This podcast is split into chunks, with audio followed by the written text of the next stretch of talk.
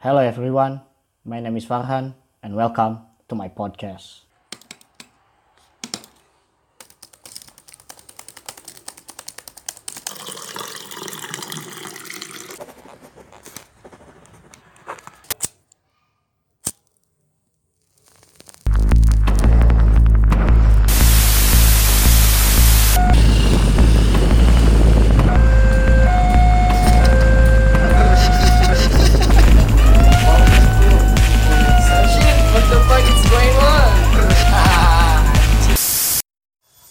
Selamat datang kembali di podcast Perspektif yang di mana isi podcastnya berbagi sudut pandang, perspektif ataupun juga diskusi dan semoga kalian semua dalam keadaan sehat walafiat. Amin amin. Dan hari ini gue kedatangan siapa nih? Ada siapa nih hari ini nih? Fatur Rahman Ananto Oke, mending abisin dulu nih, nyalain dulu aja rokoknya nih. Ada Fatur sama gue hari ini, kita berdua bakal head to head, bakal bahas tentang teknologi nih. Karena menurut kami, eh menurut kami berdua, eh, kenapa harus dibahas? Karena memang sangat penting untuk dibahas ya teknologi ini ya. Karena memang bisa apa ya nggak bisa dipungkiri bahwa kalau sekarang manusia nggak bisa lepas dari namanya teknologi. Ya contohnya gadget segala macamnya. Segala kebutuhan manusia sekarang dilengkapi dengan yang namanya teknologi. Sebelum kita bahas lebih jauh apa kabar tuh? Baik nih alhamdulillah. Baik alhamdulillah nih ya. Yoi. Samarinda aman Samarinda aman tuh. Banjir banjir bro banjir bro. Sama kayak Jakarta. Lagi rame nih ya masalah banjir banjir ya habis habis pemilu kan banjir tuh. Biar rame aja berita Jakarta tuh mulu. Ini menutupi Iya, berita-berita pemilu ya kan? Oke tuh eh, seperti yang gue bilang dari awal tadi manusia saat ini nggak bisa lepas dari yang namanya teknologi ya kan segala macam bentuk kehidupan sekarang pasti tidak jauh dan tidak lepas dari yang namanya teknologi. Betul. Nah, eh yang gue perta gue mau tanya ke lo nih, sebenarnya perkembangan teknologi ini gimana sih tuh?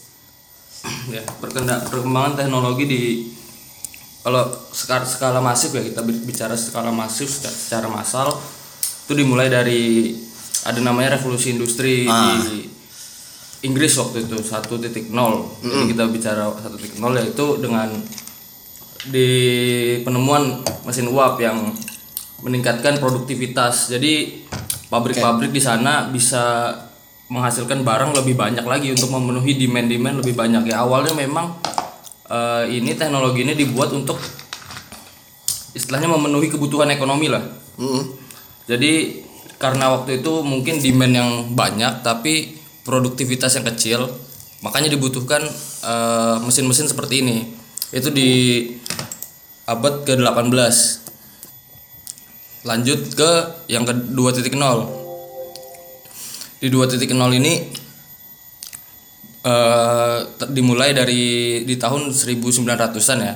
Ketika tenaga listrik itu mulai ditemukan. Jadi setelah listrik ini ditemukan, jadi dipergunakan skala masif untuk lebih meningkatkan lagi produktivitas di pabrik-pabrik.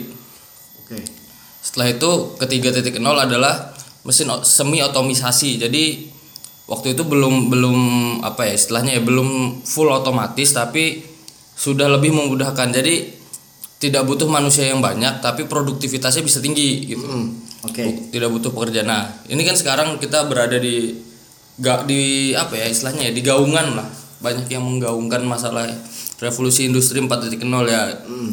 Kita di lingkungan kampus pun sudah aware ya sama eh, revolusi industri 4.0. Sebenarnya apa sih gitu kan? Isunya Revolusi- sangat hangat sekali ya kalau bicara revolusi industri 4.0 ini ya. Sebenarnya sederhana ya, tapi revolusi industri 4.0 ini berimbasnya sangat luas sekali gitu. Impact-nya besar ya Ya. berarti ya. Jadi nggak eh, nggak hanya kepada satu disiplin ilmu saja impactnya, tapi hampir kepada keseluruhan aspek hidup kita sendiri gitu. Betul, betul. Jadi int- apa revolusi industri 4.0 ini istilahnya berkaitan ya dengan bersinggungan atau idenya itu dari Internet of Things namanya. Jadi Apa internet tuh Internet of Things tuh? Internet of Things itu adalah ketika suatu atau sebuah konsep di mana eh, sesuatu yang ada di hidupmu ini atau suatu yang ada di keseharianmu ini semuanya terkoneksi semua. Jadi dengan mudah bisa kamu kontrol dari jauh pun kamu bisa mengontrol. Nah, yang paling gampang itu adalah wearable tech eh, untuk sekarang ya kayak jam tangan gitu. loh. Ah, Jadi dengan sebuah jam tangan kamu bisa mengontrol apa sih yang yang eh, notifikasi apa yang kamu terima di smartphonemu. mm, Setelah itu mungkin ada beberapa eh apa ya namanya ya Google Home lah kalau di Google tuh punya Google Home jadi dia bisa eh, mengkoneksi mengkonektivitaskan via ja- ja- jaringan nirkabel atau WiFi eh, alat-alat yang memang eh, bisa untuk koneksi pada internet dan juga lebih mudah diatur. Jadi menggunakan satu device kamu bisa mengatur hampir ke semua aspek di keseharianmu. Hmm, Oke oke oke. Nah, kalau ada nih sebelumnya mau dilanjutin nih? Itu aja sih kayaknya kalau untuk awal ya revolusi industri 4.0 ini. Nah, nah kalau kita bicara revolusi industri 4.0 nih, Tur ya. Kita sebagai ma- mahasiswa nih sekarang nih, Tur ya. Impact terhadap kita nih apa sih terhadap revolusi industri 4.0 nih? Kalau impact ya udah jelas ya yang bisa kita rasakan adalah pertama ya kita bandingkan dari tahun 2010 ke bawah sama 2010 ke atas ya.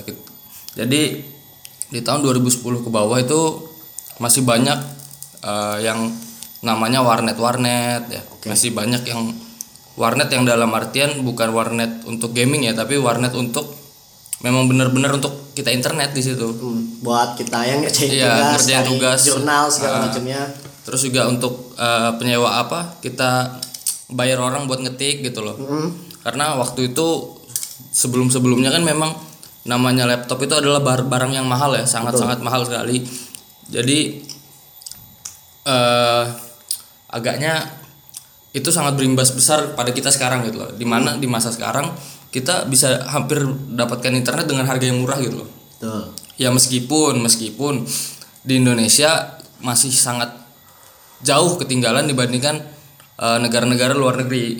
Kalau untuk eh, internet ya. Tapi untuk skala teknologi ya hampir kita bisa ngejar juga gitu loh. Karena kita nggak terlalu jauh ketinggalan di di aspek teknologinya. Tapi kita ketinggalan itu di aspek penerapannya sebenarnya.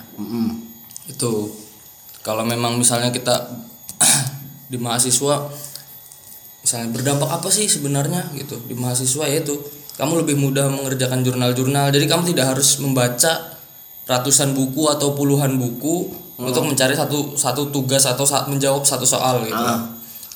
Tapi minusnya adalah ini ini yang membuat kita mengurangi budaya membaca sebenarnya. Ah, ya kayak sekarang kan mungkin eh, malah sekarang kan eh, rilisan fisik buat buku, majalah segala macamnya sudah beralih ke yang namanya e-book, e-magazine, bahkan sekarang ada audiobook Ya. ya kan. Oke oke oke. Nah, tapi gini tuh, eh, tadi kamu sempat menyinggung yang namanya eh, banyak warnet segala macamnya. Nah, apakah revolusi industri ini mematikan pasar buat apa ya bahasanya mematikan pasar bagi si maksudnya apa ya bahasanya kaum kaum kecil gitu kan karena gak bisa dipungkiri kan 2010 warnet di mana-mana ya kan? Tapi kalau sekarang lihat warnet sangat jarang ada ya kan? Ya apa ya warnet wartel ya, kan? Dulu orang mau callingan LDR nih misalkan pacaran ya kan? Itu datang Ke wartel, ngantri. blok ngantri ya kan? Rela banget. Kalau sekarang tinggal beli kalau lo punya smartphone lo tinggal beli kuota kayak misalkan ada Iya, salah satu provider. provider bisa 2 giga Iya. sepuluh ribu misalkan lo udah bisa Bisa video nelpon, call, ah, video nelpon by macam. WhatsApp, by Google Duo dan segala macamnya. Gimana menurut lo nih? Apakah memang jadi impactnya impactnya nggak selalu bagus kan? Iya. Impactnya buruknya tuh ya mematikan industri juga. Menurut lo gimana nih? kalau kita bicara soal industri ya pasti ada industri yang tidak bisa bertahan lama gitu Mm-mm. jadi kalau menurutku industri-industri wartel industri-industri warnet yang sederhana jadi warnet yang hanya menye- menyediakan internet memang eh, bisa dibilang ya bisa dibilang ini sudah kurang gitu loh Hmm. mau tidak mau mereka harus berevolusi juga gitu. Jadi dalam artian di sini maksudku adalah memang war- wartel sudah tidak tidak bisa diandalkan lagi ya karena semua orang hampir hampir bisa lah untuk menelpon gitu. Beda sama zaman dulu. Kalau untuk warnet banyak kok kita bicara saja di Jogja banyak kok warnet-warnet yang hanya menyediakan internet tapi tetap masih laku kok gitu. Tapi yang yang kuamati warnet-warnet yang masih survive, warnet-warnet seperti itu yang masih survive, warnet-warnet yang sebenarnya berubah menjadi kafe gitu. Warnet-warnet yang berubah menjadi internet kafe bukan sekedar kita duduk di situ mengerjakan tugas selesai cabut, tapi kita bisa nongkrong di situ yang Betul, mana betul, betul. Berubah menjadi sebuah lifestyle eh di mana untuk istilahnya menampung lah orang-orang yang memang mau bisa lah buat ngerjain tugas buat nyari-nyari bahan di internet tapi bisa juga buat nongkrong apa segala gitu. Ngumpul-ngumpul.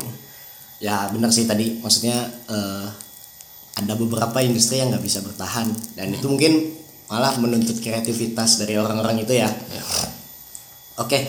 Ya kalau ngobrolin nongkrong sekarang tempat nongkrong mana sih yang nggak ada wifi-nya Ya. kan ya itu dia balik lagi ke semua orang membutuhkan teknologi baik itu internet atau apa pun itu ya meskipun di Indonesia sendiri wifi masih dengan kecepatan terbatas ya Ibarat, tapi at least eh, sangat memudahkan kita Ya. untuk mencari berbagai informasi ya kan. Ya. Nah, gini tuh. eh, tadi kita udah ngobrolin revolusi industri segala macamnya. Sekarang gue mau nanya, kalau perkembangan teknologi atau eh, teknologi eh, di dunia terkhusus terkhusus di Indonesia gimana menurut lo? Ya kayak sekarang kan eh, e-sport segala macam ini bagian dari teknologi sangat ramai sekarang orang-orang kayak udah mulai aware udah mulai concern oh e-sport nih misalkan jadi bisa jadi penghasilan segala macamnya. Kayak perusahaan-perusahaan kecil aja sekarang udah jadi startup startup berkat perkembangan teknologi ini ya kan? Nah menurut lo gimana sih ke perkembangan teknologi buat di Indonesia sendiri? Lagi-lagi sebelumnya gue mau ngingetin ini benar-benar murni dari perspektif gue sama Fatur ya. Kalau lo punya perspektif sendiri ya nggak apa-apa. Kita malah butuh perspektif-perspektif Ya. baru ya buat kawan-kawan yang mendengarkan. Oke go ahead tuh gimana tuh kalau untuk di dunia ya di dunia sendiri kita ambil contoh perusahaan seperti Samsung atau Apple yang sekarang menjadi raksasa ya di bidang teknologi atau ataupun Google ya. Hmm. kita lihat aja dulu Google itu hanya hanyalah sebuah mesin pencari gitu. Nah, search engine ya. Ya hanyalah sebuah mesin pencari. Tapi seiring perkembangannya Google ini berubah menjadi sebuah raksasa yang hampir punya semua gitu. Hampir semua di internet yang di area surface ya. Jadi sebenarnya internet itu adalah sebuah tempat yang kalau diibaratkan itu adalah gunung es. Jadi kita tuh hanya melihat sebagian kecil aja di atas. Itu tuh bagian surface yang bisa di dijangkau oleh search engine. Tapi banyak di bawah itu yang lebih besar lagi yang tidak bisa terjangkau oleh apa oleh search engine. Nah itu nanti mungkin ada bahasan lain ya karena beda topik. Jadi Google itu sudah merambah ke hampir semua industri. Dia sekarang mengeluarkan HP juga gitu kan. Hmm, Google Pixel Google ya. Pixel dengan ah ya bisa dilihat sendiri review-review yang itu yang dikeluarkan oleh banyak YouTube YouTube dunia juga. Content itu creator. itu bagus nah. Terus ada Apple. Apple ini adalah se- kalau menurutku sebuah perusahaan teknologi yang memang berbasisnya itu pada seni sebenarnya gitu pada seni. Jadi ketika dia mengeluarkan produk-produk Apple itu semuanya punya ciri khas sendiri gitu. Dan juga untuk sekarang Apple ini mengeluarkan produk itu ya hanya paling berselang satu tahun. Ah, kalau dulu tuh dua tahun ya sekali ya? dua tahun atau tiga tahun sekali. Kalau sekarang hampir setiap tahun Apple itu mengeluarkan entah itu iPhone entah entah itu MacBook entah itu iMac produk line up mereka baru yang ketiga ada Samsung yang istilahnya Samsung ini dulunya han- hanyalah perusahaan yang memproduksi setauku ya perusahaan yang memproduksi eh, peralatan rumah tangga ah, betul betul. ibaratnya kayak kulkas mesin cuci mesin cuci seperti itu TV. TV tapi kita lihat sekarang karena mungkin ya Samsung ini punya pengalaman di bidang teknologi-teknologi itu Hmm. jadi dia mencoba peruntungan juga di bidang smartphone atau di bidang laptop gadget lah istilahnya di bidang gadget. Dan dan itu memang berhasil sangat-sangat berhasil gitu loh. Jadi kalau misalnya kita lihat di perkembangan teknologi yang ada di dunia ada ada satu ungkapan gitu. Eh, today is every day is Christmas day gitu loh. Heeh. Eh, jadi kalau dulu kan anggapannya seperti ini. Eh, sebuah teknologi-teknologi baru itu selalu ya hampir selalu diperkenalkan dekat-dekat sama eh, Christmas dekat-dekat sama Natal jadi hadiah-hadiah Natal tuh berupa mainan atau berupa gadget-gadget yang mungkin zaman itu dulu ada Nintendo segala Ah, macam ya oke. kan mainan-mainan anak kecil. Jadi ada ungkapan seperti itu. Nah, untuk di Indonesia sendiri perkembangan teknologi yang memang eh, agak bisa dibilang tertinggal tapi tidak jauh tertinggal sebenarnya. Karena apa? Karena di Indonesia sendiri setiap ada teknologi kita lihat saja eh, launching misalnya. Heeh. Launching produk baru dari Apple atau dari Samsung atau dari Google atau dari perusahaan mana pun lah launching di dunia selalu terlambat masuk Indonesia. Oke, betul. Heeh. Tapi tapi di Indonesia sendiri itu salah satu pasar Marketnya market sangat paling besar. besar di dunia. Orang rela Iya. antri buat dapetin gadget baru segala iya. macam ya. Jadi salah satu pasar yang diincar Car. sih. Nah, Heeh. jadi kalau menurutku entah ini mungkin dari strategi marketing dari mereka atau memang karena eh, yang aku tahu juga ketika ada suatu produk itu masuk ke Indonesia kan harus melewati eh, syarat apa ya istilahnya tahapan-tahapan tertentu seperti pendaftaran email di bea cukai segala macam terus siapa apa distributornya siapa yang harus jelas gitu. Jadi Iya, iya betul betul betul. wajar sih sebenarnya agak terlambat tapi tapi di Indonesia sendiri pemerintah mencoba kalau menurutku ya mencoba untuk mem, istilahnya apa ya Selalu mengontrol update. ya mengontrol di bidang yang memang eh, ini nih bisa jadi nanti istilahnya pemasukan terbesar pemerintah gitu loh Hmm, betul betul. Oke. Nah, eh gini tuh. eh, kalau ada sebuah statement kalau misalkan seseorang menguasai teknologi atau paham dengan yang namanya algoritma segala macamnya itu bisa menguasai suatu negara. Nah, maksud gue di sini tuh eh orang tuh sekarang mungkin database kependudukan segala macamnya daripada pemerintah itu lebih lengkap Google segala macamnya. Ya enggak itu menurut lo gimana sih? Ya. Bagaimana? Itu saking gilanya teknologi loh jadi kalau dari perspektifku sih ngelihat hal-hal seperti itu. Kita memang di Indonesia kurang jadi database kita ya baru-baru ini gitu. Kita ambil contoh ektp saja. Ektp baru baru digaungkan atau baru di apa baru dilaksanakan oleh pemerintah tuh baru berapa tahun yang lalu sih gitu loh. Nah, jadi setelah eh, kalau menurutku juga karena internet ini sudah merambah ke semua lini, semua orang itu bisa membuat apa saja dari internet. Bahkan dia mungkin saja gitu loh. Dia punya catatan-catatan yang memang lebih lengkap daripada pemerintah gitu. Tapi tapi yang harus di apa yang harus disadari catatan-catatan ini harusnya digunakan dengan bijak. Ah, ah.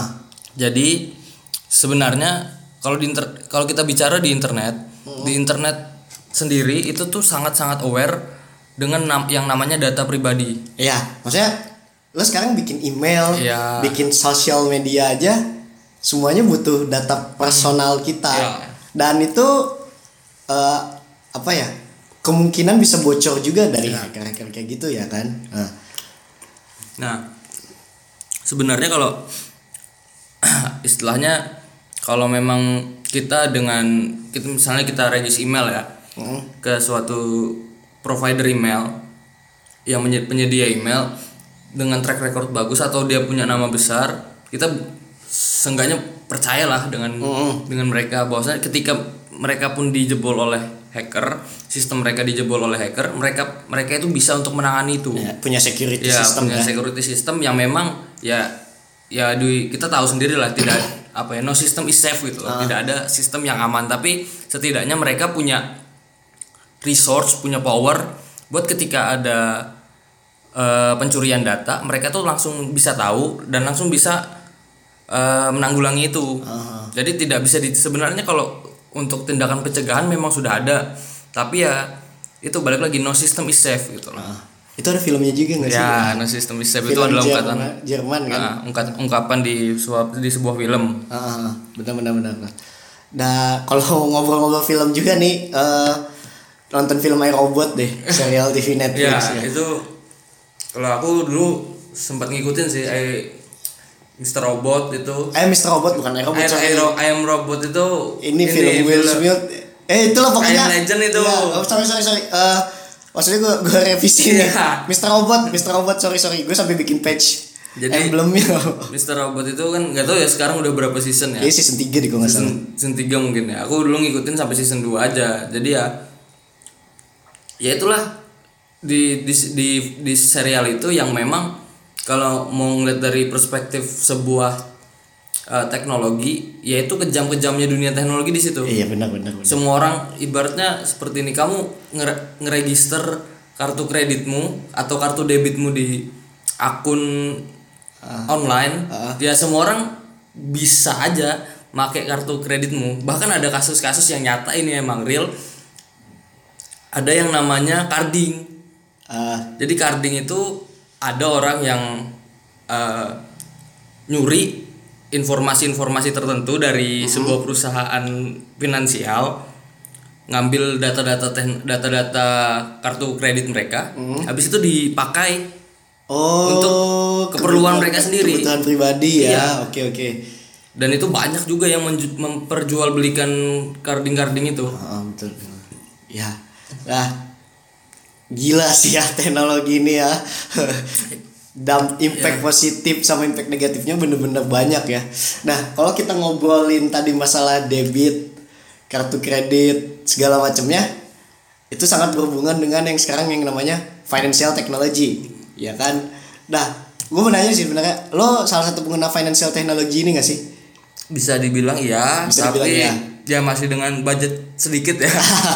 Karena Mahasiswa rantau. karena masih ya belum banyak ya yang di apa yang mem- aku pakai itu juga sih sebenarnya. Ya kalau kayak sekarang di Indonesia sendiri kan financial technology kayak GoPay, Dana, OVO, segala macamnya ya itu memang memudahkan. Telkomsel ini tap cash ya tap cash, memud Tikes ya Tikes ya, memudahkan kita untuk jual beli ya, kan. gampangnya gitu. Ah, nah gini tuh eh kalau kita ngobrolin fin- financial technology eh, itu kan eh, kayak e-wallet segala macamnya ada nggak sih kemungkinan menurut lo bank bakal tergantikan bank konvensional kalau menurutku sepertinya tidak Tidak. karena bank konvensional ini adalah salah satu istilahnya apa ya pionir atau pilar lah dalam pertumbuhan ekonomi suatu negara Mm-mm. Ya memang kalau di Indonesia semuanya kan eh, mengikuti apa yang sudah diatur di Bank Indonesia. Tapi ya pionir-pionir yang lain nih seperti bank-bank konvensional yang lain ini memang seperti kalau menurutku tidak akan mati mes- meskipun dengan adanya apa e-wallet seperti hal-hal seperti itu tapi ya tetap saja gitu kita ambil contoh aja sekarang yang e-wallet e-wallet gitu ya paling hanya di masyarakat perkotaan lah yang yang tahu gitu. Tapi ya di perkotaan pun hanya berapa persen lah yang menggunakan. Belum lagi yang masyarakat masyarakat yang memang eh, jauh lah dari hingar bingar perkotaan ya. Itu kan mereka pasti mengandalkan istilahnya bank konvensional gitu. Dan juga bank konvensional ini kan tidak hanya eh, kita simpan pinjam aja gitu. Bahkan kita bisa kredit rumah lewat bank apa segala macam gitu. Yang itu nggak ada di financial Ya. technology ya. Bener sih. Oke. Tadi lu ngobrol-ngobrol soal bank nih tuh ya. Teknologi juga nih sangat berkaitan dengan yang namanya kapitalisme. Aduh. Gimana nih menurut lo deh lagi-lagi nih Ini sangat berat nih kalau kita bicara kapitalisme ini ya kan? Selesain dulu aja makanannya nih yang dimakan nih. Kalau kita bicara teknologi dan kapitalisme ya sebenarnya sulit ya untuk dibilang istilahnya dua hal ini udah berkaitan sekarang gitu dengan sifat-sifat ya contoh aja sifat-sifat eh, perusahaan-perusahaan yang mengeluarkan produk-produk teknologi Hmm. itu ya seakan-akan mereka pengen menguasai pasar semua Ya. kita ambil contoh ya Allah dari tadi dikit-dikit Apple jadi ya mau gimana? Ya. Itu memang perusahaan yang raksasa. Gimana? jadi kalau menurutku yang paling kapitalis paling gampang dilihat itu Apple sebenarnya Hmm. Karena- Kenapa? Kenapa? Why? Apple adalah jadi kalau eh kalian tahu atau kalau kamu tahu eh, pernah ngerasakan punya iPhone terus eh menggunakan laptop Ah, meng- yang non M apa yang non MacBook Ah. MacBook ataupun bukan produk Apple lah Ya. Itu rasanya gimana Ya, be- sangat ada sih ya. Beda, susah juga, susah juga. Kalau misalkan mau transfer file dari HP ke laptop segala macamnya, ya kan? bahasa gampangnya tidak seamless lah Ya, oke, betul. jadi nah hal-hal kayak gitu yang Itu alasan kenapa gue pakai Samsung sekarang. itulah yang menurutku kenapa salah satu ah, gambaran paling gampang kenapa aku bisa ngecap Apple itu adalah so- sebuah perusahaan kapitalis. Hmm. Tapi ada salah satu ada beberapa banyak kasus lagi yang paling nyata ya. Jadi ada seorang youtuber waktu itu kasus bukan kasus sih dia eh, Linux Linux Tech Tips nama YouTube-nya. Jadi dia waktu itu lagi nge-unboxing iMac. Jadi iMac yang aku lupa 32 atau berapa puluh inci. Jadi waktu itu eh, secara dia eh, jadi ada salah satu timnya nggak sengaja nggak sengaja pas ngebongkar itu dia ngejatuhkan layar kan iMac itu kan all in one. Ah. Jadi pas dia ng- ngebuka layar itu jatuh. Hmm. Wah. Nah, ah, servisnya Seben- mahal lagi. sebenarnya nah jadi waktu itu si Linus ini udah ngebawa iMac-nya itu ke Apple Authorized Service Ah. Di- dia juga udah tahu bahwasannya dia nggak bakal dapat garansi atas kerusakan itu ya karena memang human error gitu kan jadi dia tahu nah tapi dari Apple di sana Apple Authorized Service-nya itu tidak mau untuk memperbaiki itu Kenapa tuh? Nah, aku nggak tahu ada apa regulasi-regulasi itu di belakangnya. Aku juga lupa. Ini udah udah beberapa lama yang kasusnya ini. Jadi akhirnya dia waktu itu coba untuk istilahnya ngebaikin sendiri dan harga dia ngebaikin sendiri costnya itu lebih mahal daripada dia beli baru Oke. iya, gitu loh. iya, iya. Jadi sebenarnya kalau menurutku ada yang aneh sih ketika ada konsumenmu datang dengan dia ini tahu, dia ini mau bayar gitu loh. Ah. Dia ini mau bayar untuk memper untuk kamu nih baikin produkmu gitu loh. Hmm. Baik baikin produknya dia. Tapi kamu nih malah menolak gitu loh. Oh. Nah, waktu itu jadi sempat juga si Linus ini cerita di videonya.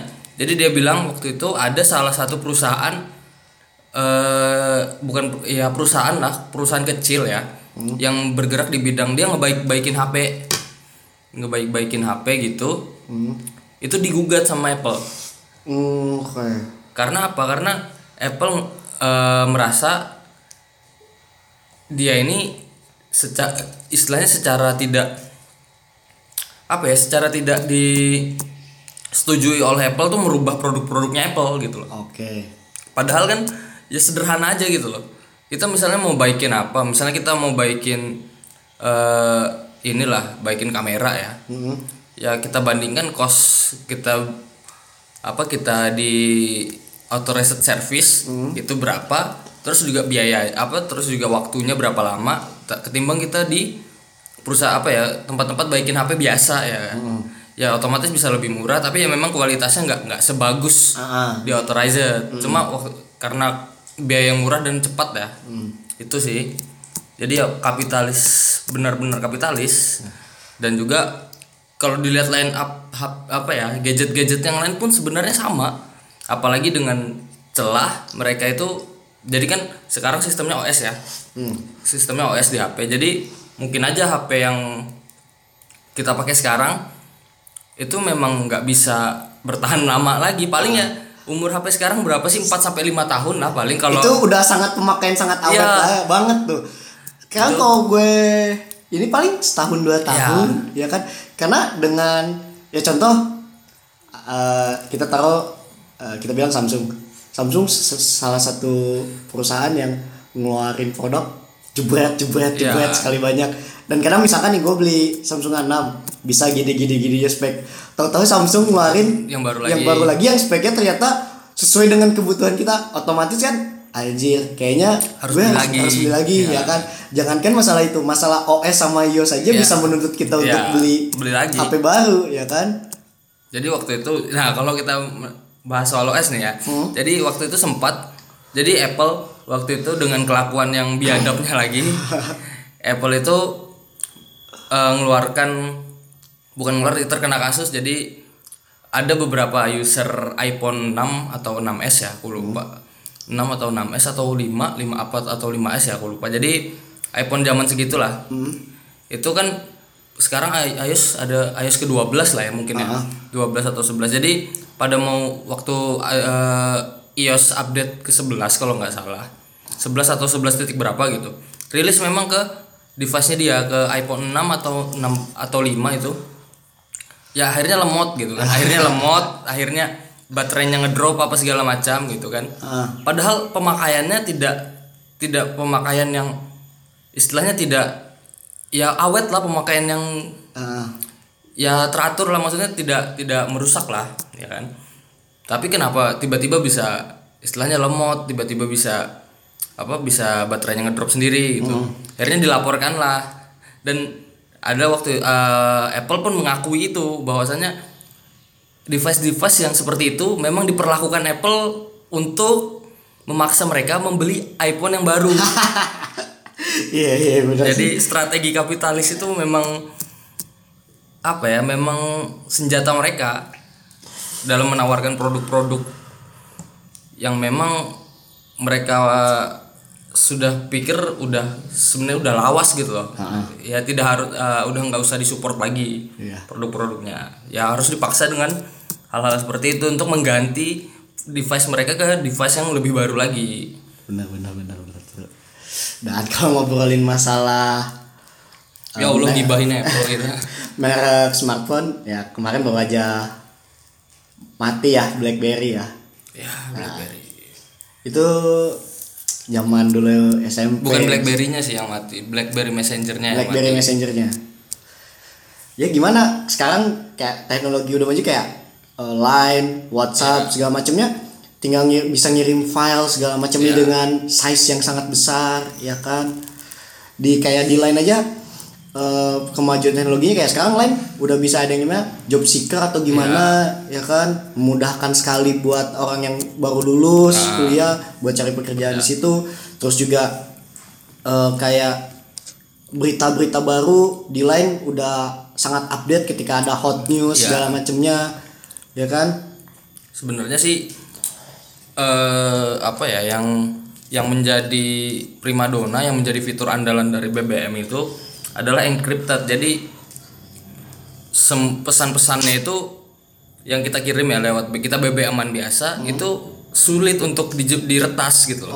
oke oke oke Jadi namanya istilahnya lebih sulit lah. Jadi lebih aman lah, lebih safe. Jadi ya ya itulah yang dijual BlackBerry waktu itu. Nah, Makanya yang menggunakan BlackBerry itu terkenal akan pebisnis ya kan Iya, pengusaha-pengusaha. eh, apa ya mungkin zaman dulu BBM itu udah mulai jadi mulai rame nih online shopping Ya. online online shop segala macamnya kan orang-orang langsung pada pindah ke sana semua semua. anak sana semua ya kan Nah, jadi waktu itu ya kalau sekarang ya kita bicara sekarang ya sem- hampir semua kita lihat aja WhatsApp.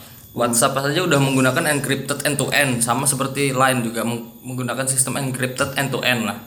Yang istilahnya ya sama lah secure-nya dengan kita pakai BBM. Hmm. Tapi yang aku soroti di sini ya kita tahu aja BlackBerry nasibnya sekarang kayak gimana gitu loh. Ah. ya karena mungkin perusahaan seperti BlackBerry itu terlalu idealis waktu itu gitu terlalu nyaman lah sama seperti Nokia sebelum akhirnya dulu bangkrut ya akhirnya diselamatkan oleh Microsoft. Ya. Ya sekarang berbalik sekarang istilahnya eh ingin seperti kayak ngebunuh Microsoft dengan Android gitu. Dulu Nokia kan sempat hampir bangkrut jadi eh, Microsoft itu ngebeli ini apa ya namanya ya waktu itu ya? Nokia Lumia. Ah Nokia Lumia akhirnya dapat sokongan dana. Hmm. Dapat sokongan dana akhirnya Nokia nggak jadi bangkrut ya itu akhirnya sekarang lebih baiknya play safe mereka mengeluarkan Android dan tidak idealis lagi seperti sebelum sebelumnya dulu Nokia bisa dibilang salah sebelum ramai Apple Samsung kan sangat kapitalis banget ya. Dan memang sangat bagus sekali. Dulu orang lihat kayak enggak orang dari Nokia dari HP HP orang nih apa nih N70 Ya. misalkan. Atau kalau orang ini gamers atau enggak HP-nya eh, NG NG. yang kayak gitu-gitu sih. Ya, Ya. sekarang gitu sih. Kalau apa ya Nokia udah berubah lah. Udah menjadi bukan siapa-siapa lagi di industri gadget. Ya kita bayangkan aja gitu. Industri gadget ini yang eh, nama yang besar saja itu bisa bisa jatuh sejatuh jatuhnya Heeh. gitu loh. Nama yang dulunya bukan siapa-siapa itu bisa men- merajai pasar gadget dunia sekarang. Itulah yang gue bilang kenapa dunia teknologi ini adalah salah satu dunia yang paling cepat Ah. untuk berubah Hmm. dan mempengaruhi hampir semua aspek kehidu- kehidupan. Harus benar-benar up to date dan Ya. teknologi juga eh, menuntut selalu berkreativitas kreativitas kreativitas. Ya sekarang kalau ngobrolin tadi masalah ngobrolin masalah HP ya.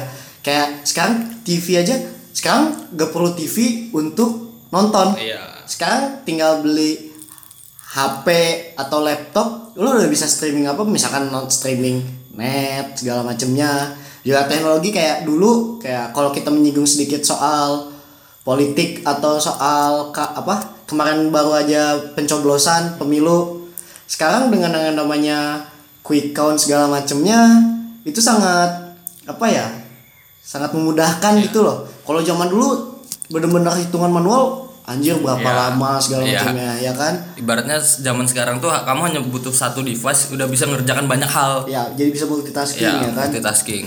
Jadi sangat memudahkan ya. Kayak kita eh, bikin pembukuan kalau dulu bener-bener manual pakai kalkulator sayur atau kayak gimana sekarang lo cuma butuh Laptop. Microsoft laptop Microsoft Excel udah ada di HP lo atau mungkin sekarang eh, namanya ada spread apa spreadsheet spreadsheet Google Google aja sekarang ada punya spreadsheet ya Iya kayak gitu-gitu kan, dia. office-nya kan, dan nggak perlu terinstall di Ya. laptop, cuman buka Google, klik tinggal itulah yang macamnya. yang kalau aku pikir tuh emang lebih zaman sekarang itu ya sederhana ya. Istilahnya hanya butuh satu atau dua device kamu udah bisa ngerjakan banyak hal. Ah, ah, betul. jadi kamu nggak perlu misalnya kamu nonton kamu nggak perlu TV sekarang ya kan? Kamu hanya perlu laptop mungkin kan? Kamu hanya perlu HP dan hanya perlu koneksi internet aja udah mungkin sekarang. Dan ini ya, tur ya, eh, bisa dibilang kayak gadget atau smartphone aja, itu bisa dibilang udah laptop kecil atau komputer kecil karena punya yang namanya apa chip tuh? Mikroprosesor dia. Prosesor segala macemnya. Lo sekarang main game? PUBG yang penting eh apa tadi namanya? prosesornya prosesornya mumpuni, spek- udah speknya speknya mumpuni lah. PUBG atau Mobile Lancar. Legends bisa lancar bisa main. Dan bisa menghasilkan duit kalau kita berbicara antara teknologi dan uang, tadi itu ya kan? Memang apa Iya. ya?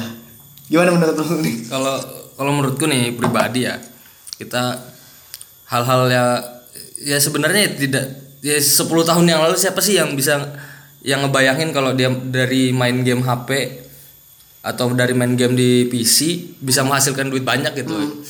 Tapi ini nyata kejadiannya sekarang gitu loh. Bahkan bahkan ada turnamen-turnamen game di Indonesia ya di apa ya dikhususkan untuk eh anak SMA ada anak kuliahan ada yang baru-baru ini ada IEL ya yang aku tahu. Itu liga antar kampus untuk di game. Jadi gamenya itu ada Dota sama ada Mobile Legend gitu.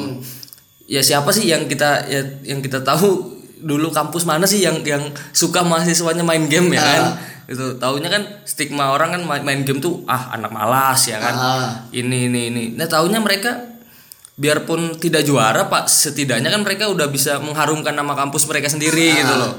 Jadi ya hal-hal kayak gini yang menurutku emang istilahnya gimana ya kayak nggak kepikiran aja sebelumnya. Pasti pasti orang-orang tuh kayak mikir "Wah, masa iya sih bisa menghasilkan lewat game? gitu kan. Padahal cuma istilahnya cuma duduk ya kan duduk terus main ya kan. Habis itu dapat sponsor apa segala macam ya kan kayak gitu tapi ya ini nyatanya terjadi Dan kalau kita ambil contoh yang lain ya, dulu siapa sih yang nyangka ojek sekarang bisa jadi yang ojek konvensional Iya. sekarang bisa jadi ojek online? Ya. kan? Kayak bahkan dulu gue pernah dengar dari Magna Cop yang eh, itu Magna Cop undang foundernya Bukalapak.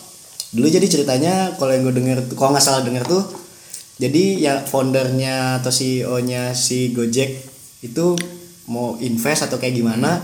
Terus si foundernya Bukalapak nih kayak eh, kayaknya nggak mungkin deh ojek dengan Android. Nggak dan Iya. sekarang ex unexpected banget. Tahu-tahu Iya. Gojek bisa segala macam sekarang Gojek kayak eh ada yang namanya GoFood ap- Sekarang Go, Gojek- Go Massage Iya. terus apa namanya eh antar barang ya kan? Kita jadi nggak perlu ekspedisi-ekspedisi lainnya buat itu karena kemajuan teknologi Sebenarnya sih ya kita lihat aja Gojek ini udah berubah menjadi perusahaan dekakorn Indonesia iya, gitu loh. bukan unicorn lagi Bukan unicorn lagi dekakorn gitu loh yang nilai aset perusahaannya tuh udah udah besar lah Besar. bukan- Jadi ya sebenarnya kalau aku lihat juga sebenarnya cuma keresahan se- seorang ya istilahnya di zaman sekarang gitu kan kayak apa naik go, pengen naik ojek gitu loh. Tapi kok cuma misalnya ya tau lah mungkin ada beberapa orang deh. Misalnya punya nomor ojek ya langganan terus pas nggak bisa terus gimana ya kan?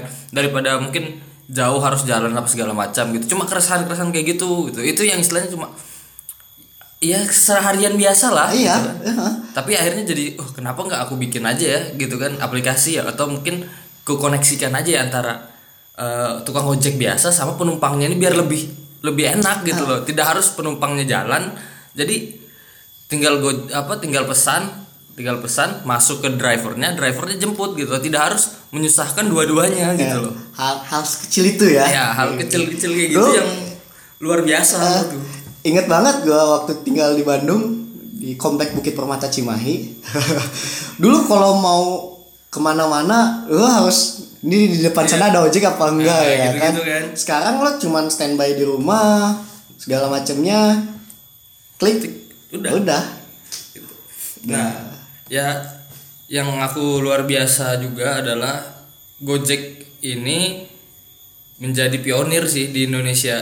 Untuk di Indonesia ya karena kalau menurutku untuk Grab atau untuk Uber karena mereka ini sebenarnya udah besar sekali di luar gitu di luar negeri. Tapi di Indonesia emang mereka ini kayaknya mungkin telat ya masuk ya. Jadi setelah Gojek itu booming baru mereka mulai Ada melihat Ah, pasar di ada situ melihat ya. pasar gitu jadi setelah Gojek waktu itu kalau menurutku juga Gojek ini ti- tidak apa ya tidak istilahnya tidak ingin terlalu santai gitu loh. Makanya dia nggak hanya ngejual apa ya jasa go- ojeknya aja gitu tapi dia ngejual jasa GoPay atau ngejual jasa istilahnya jasa gomesat segala macam gitu loh. Yang semua orang tuh bisa bisa ngakomodir apa ya Gojek ini bisa ngakomodir semua keperluan orang Ah, gitu. Dan itu dia karena kemajuan teknologi juga memang tadi yang kita bahas memang ada yang mematikan industri tapi juga membuka lapangan kerja Iya. baru. Ya jadi kan? jadi sebenarnya bukan mematikan ya tapi lebih ke arah istilahnya mengganti ya. Oke. Mengganti jadi merevolusi atau istilahnya ya itulah. Jadi industri satu mati tapi tergantikan oleh industri yang, Yang lain lainnya. yang yang istilahnya lebih besar lagi. Ah betul betul betul jadi kalau menurutku memang ya ada orang yang mungkin tidak seberuntung atau se apa ya se punya modal besar untuk merubah industrinya. Tapi ada satu perusahaan atau apa mungkin ya kalau kita lihat kalau sekarang kan go, eh, bisa dibilang katanya Gojek itu mematikan ojek konvensional. Padahal tidak gitu loh. Cuma waktu cuman ya itu karena memang eh, ya hal-hal yang sudah lama ada ini Ah. ini sulit tergantikan gitu padahal kan niatan awalnya Gojek ini ya hanya memudahkan driver dan Penumpang. penumpangnya aja gitu loh tidak mempersu ti- tidak tidak ada kalau aku yakin sih tidak ada niatan Gojek untuk membunuh eh, ojek-ojek konvensional Hmm, oke oke. gitu loh oke. cuma dia tuh cuma ngakomodir aja semua Dan apa ya? Eh ya itu benar yang lo bilang tadi tuh. Eh, intinya sih kalau gue nangkepnya ya kita sebagai manusia harus bisa up to date ya dengan perkembangan-perkembangan teknologi khususnya sekarang kan. Karena kita bilang awal tadi teknologi sekarang sangat erat berhubungan dengan manusia. Nah kalau kita ngobrol-ngobrolin teknologi dan manusia nih tuh ya. Eh tadi seperti yang kita bilang tadi obrolin ada sebuah statement lagi atau stigma tentang teknologi maju tapi manusia ini malah mundur apa yang kita obrolin kemarin tuh kayak smart people, ah, smartphone, stupid people Nah, stupid people itu gimana sih? jadi Sampai ada statement seperti itu Iya. tuh. jadi ya, ya aku emang ada nulis juga ya tentang smartphone stupid people ya jadi ku- tulisannya cuma konsumsi pribadi Di gua di mana tulisannya tuh? di, di laptop Di laptop, di laptop atau di sosial media nih? di laptop jadi cuma Jangan lupa follow Fatul.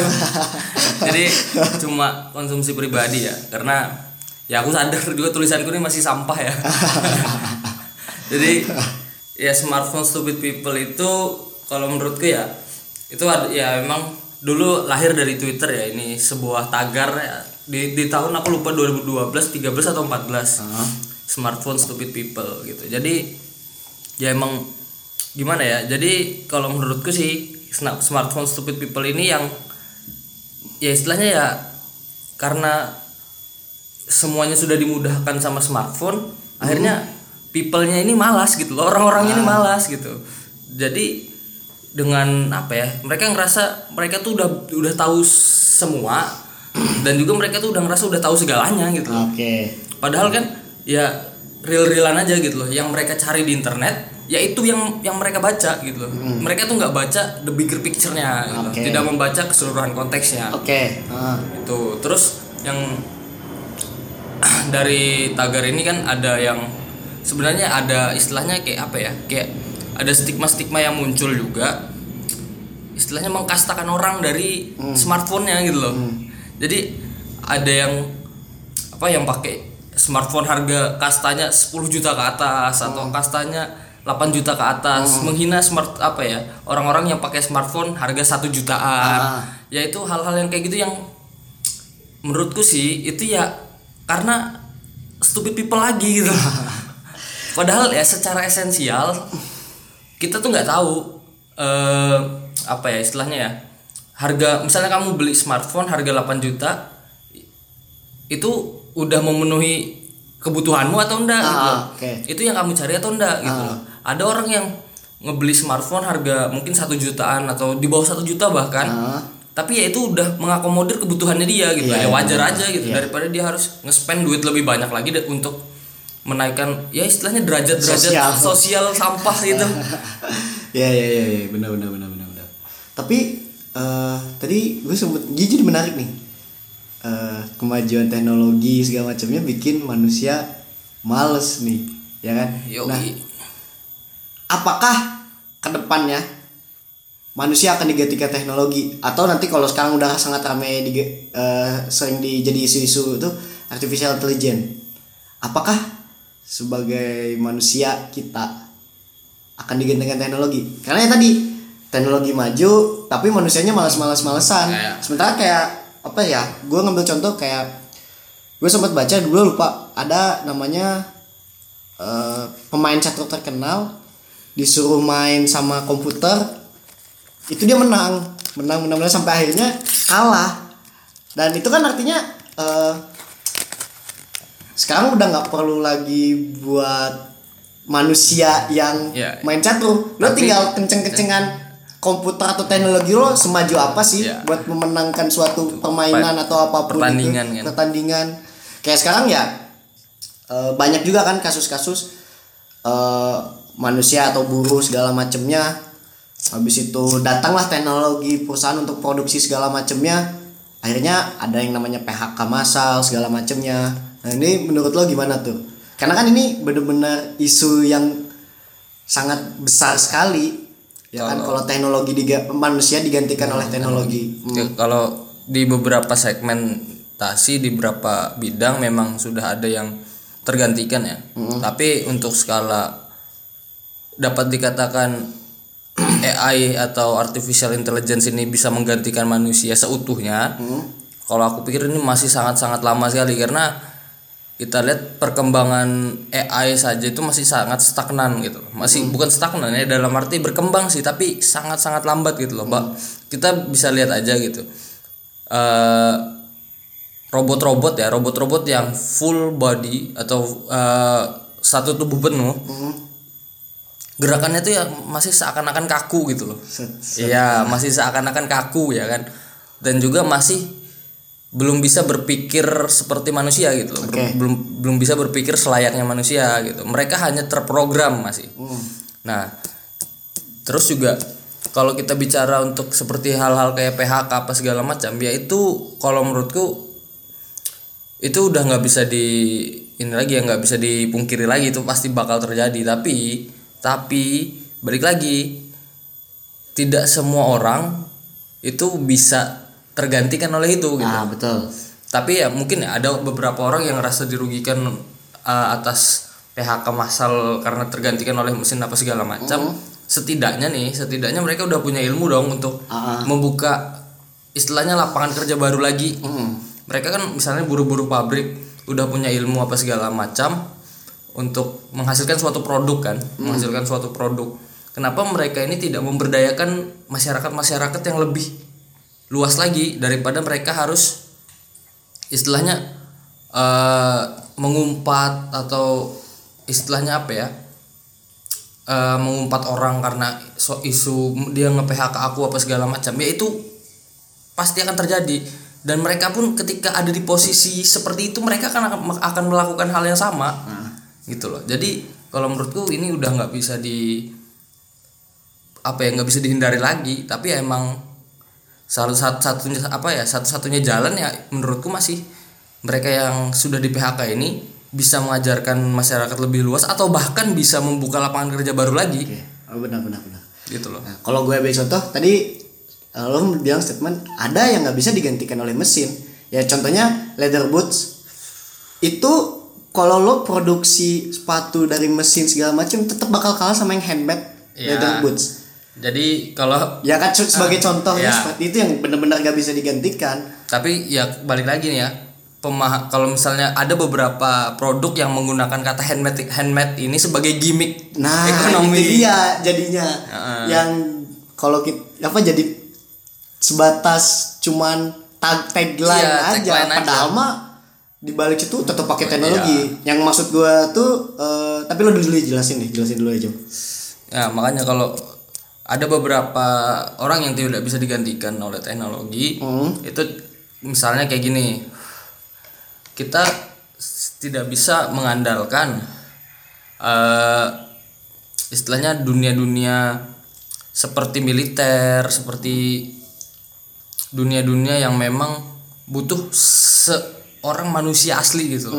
Kita ambil contoh aja sekarang mungkin ya ada yang itu kamu bilang tadi yang handmade itu mungkin ya handmade ya yang memang bener-bener handmade ya karena yang dijual adalah heritage-nya gitu True, betul. adalah yang dijual adalah heritage-nya gitu loh tapi ya emang ada sesuatu yang di yang ngejual karena konvensional karena dia diproduksi massal Kebutuhan banyak. misalkan ya demand masyarakat sangat tinggi, Tinggi. sementara kalau produksi secara manusia atau yang memproduksi manusia itu akan sangat lambat Lama. dan nanti demandnya keburu hilang ya Hilang, kan ya. makanya dibutuhkan teknologi Ya. membuat massal Massal. gitu kan Jadi menurut gue sih yang kayak gitu kayak gitu. Hmm.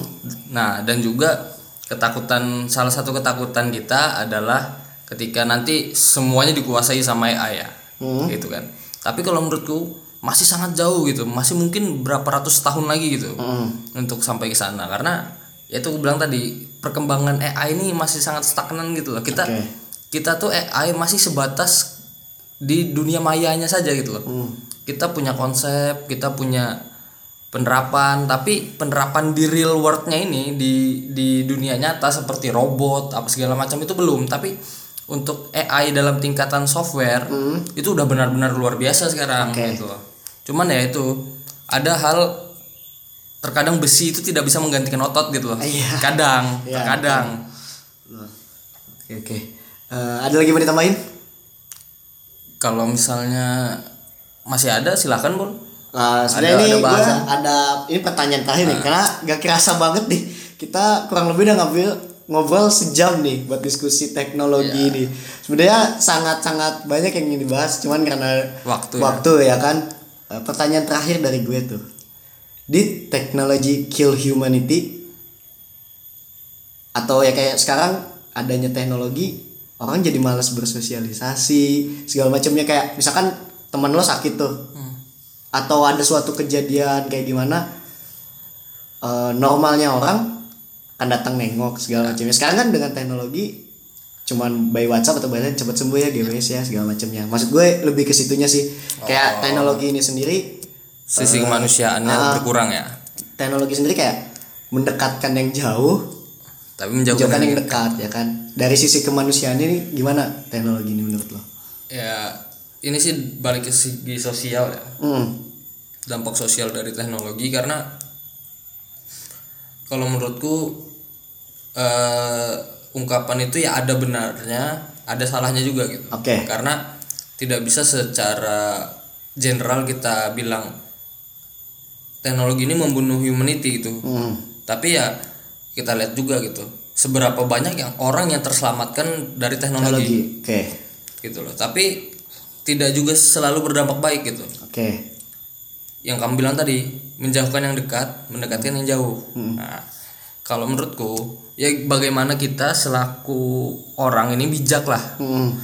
menggunakan teknologi gitu. Ya kayak selayaknya kita menggunakan ini untuk sebagai alat aja gitu. Kita menggunakan ini sebagai alat untuk mempermudah ker- kerja kita mempermudah kebutuhan apa ya mem- memenuhi kebutuhan kita. Jadi bukan kita mempergunakan ini seakan-akan kita tuh nggak bisa hidup tanpa teknologi gitu. Oke betul. Gitu. Tapi tapi yang harus diingat sebijak-bijaknya kita ya balik lagi kita ini adalah makhluk sosial gitu loh. Kita ini adalah makhluk yang memang membutuhkan orang lain lah. Gitu kan.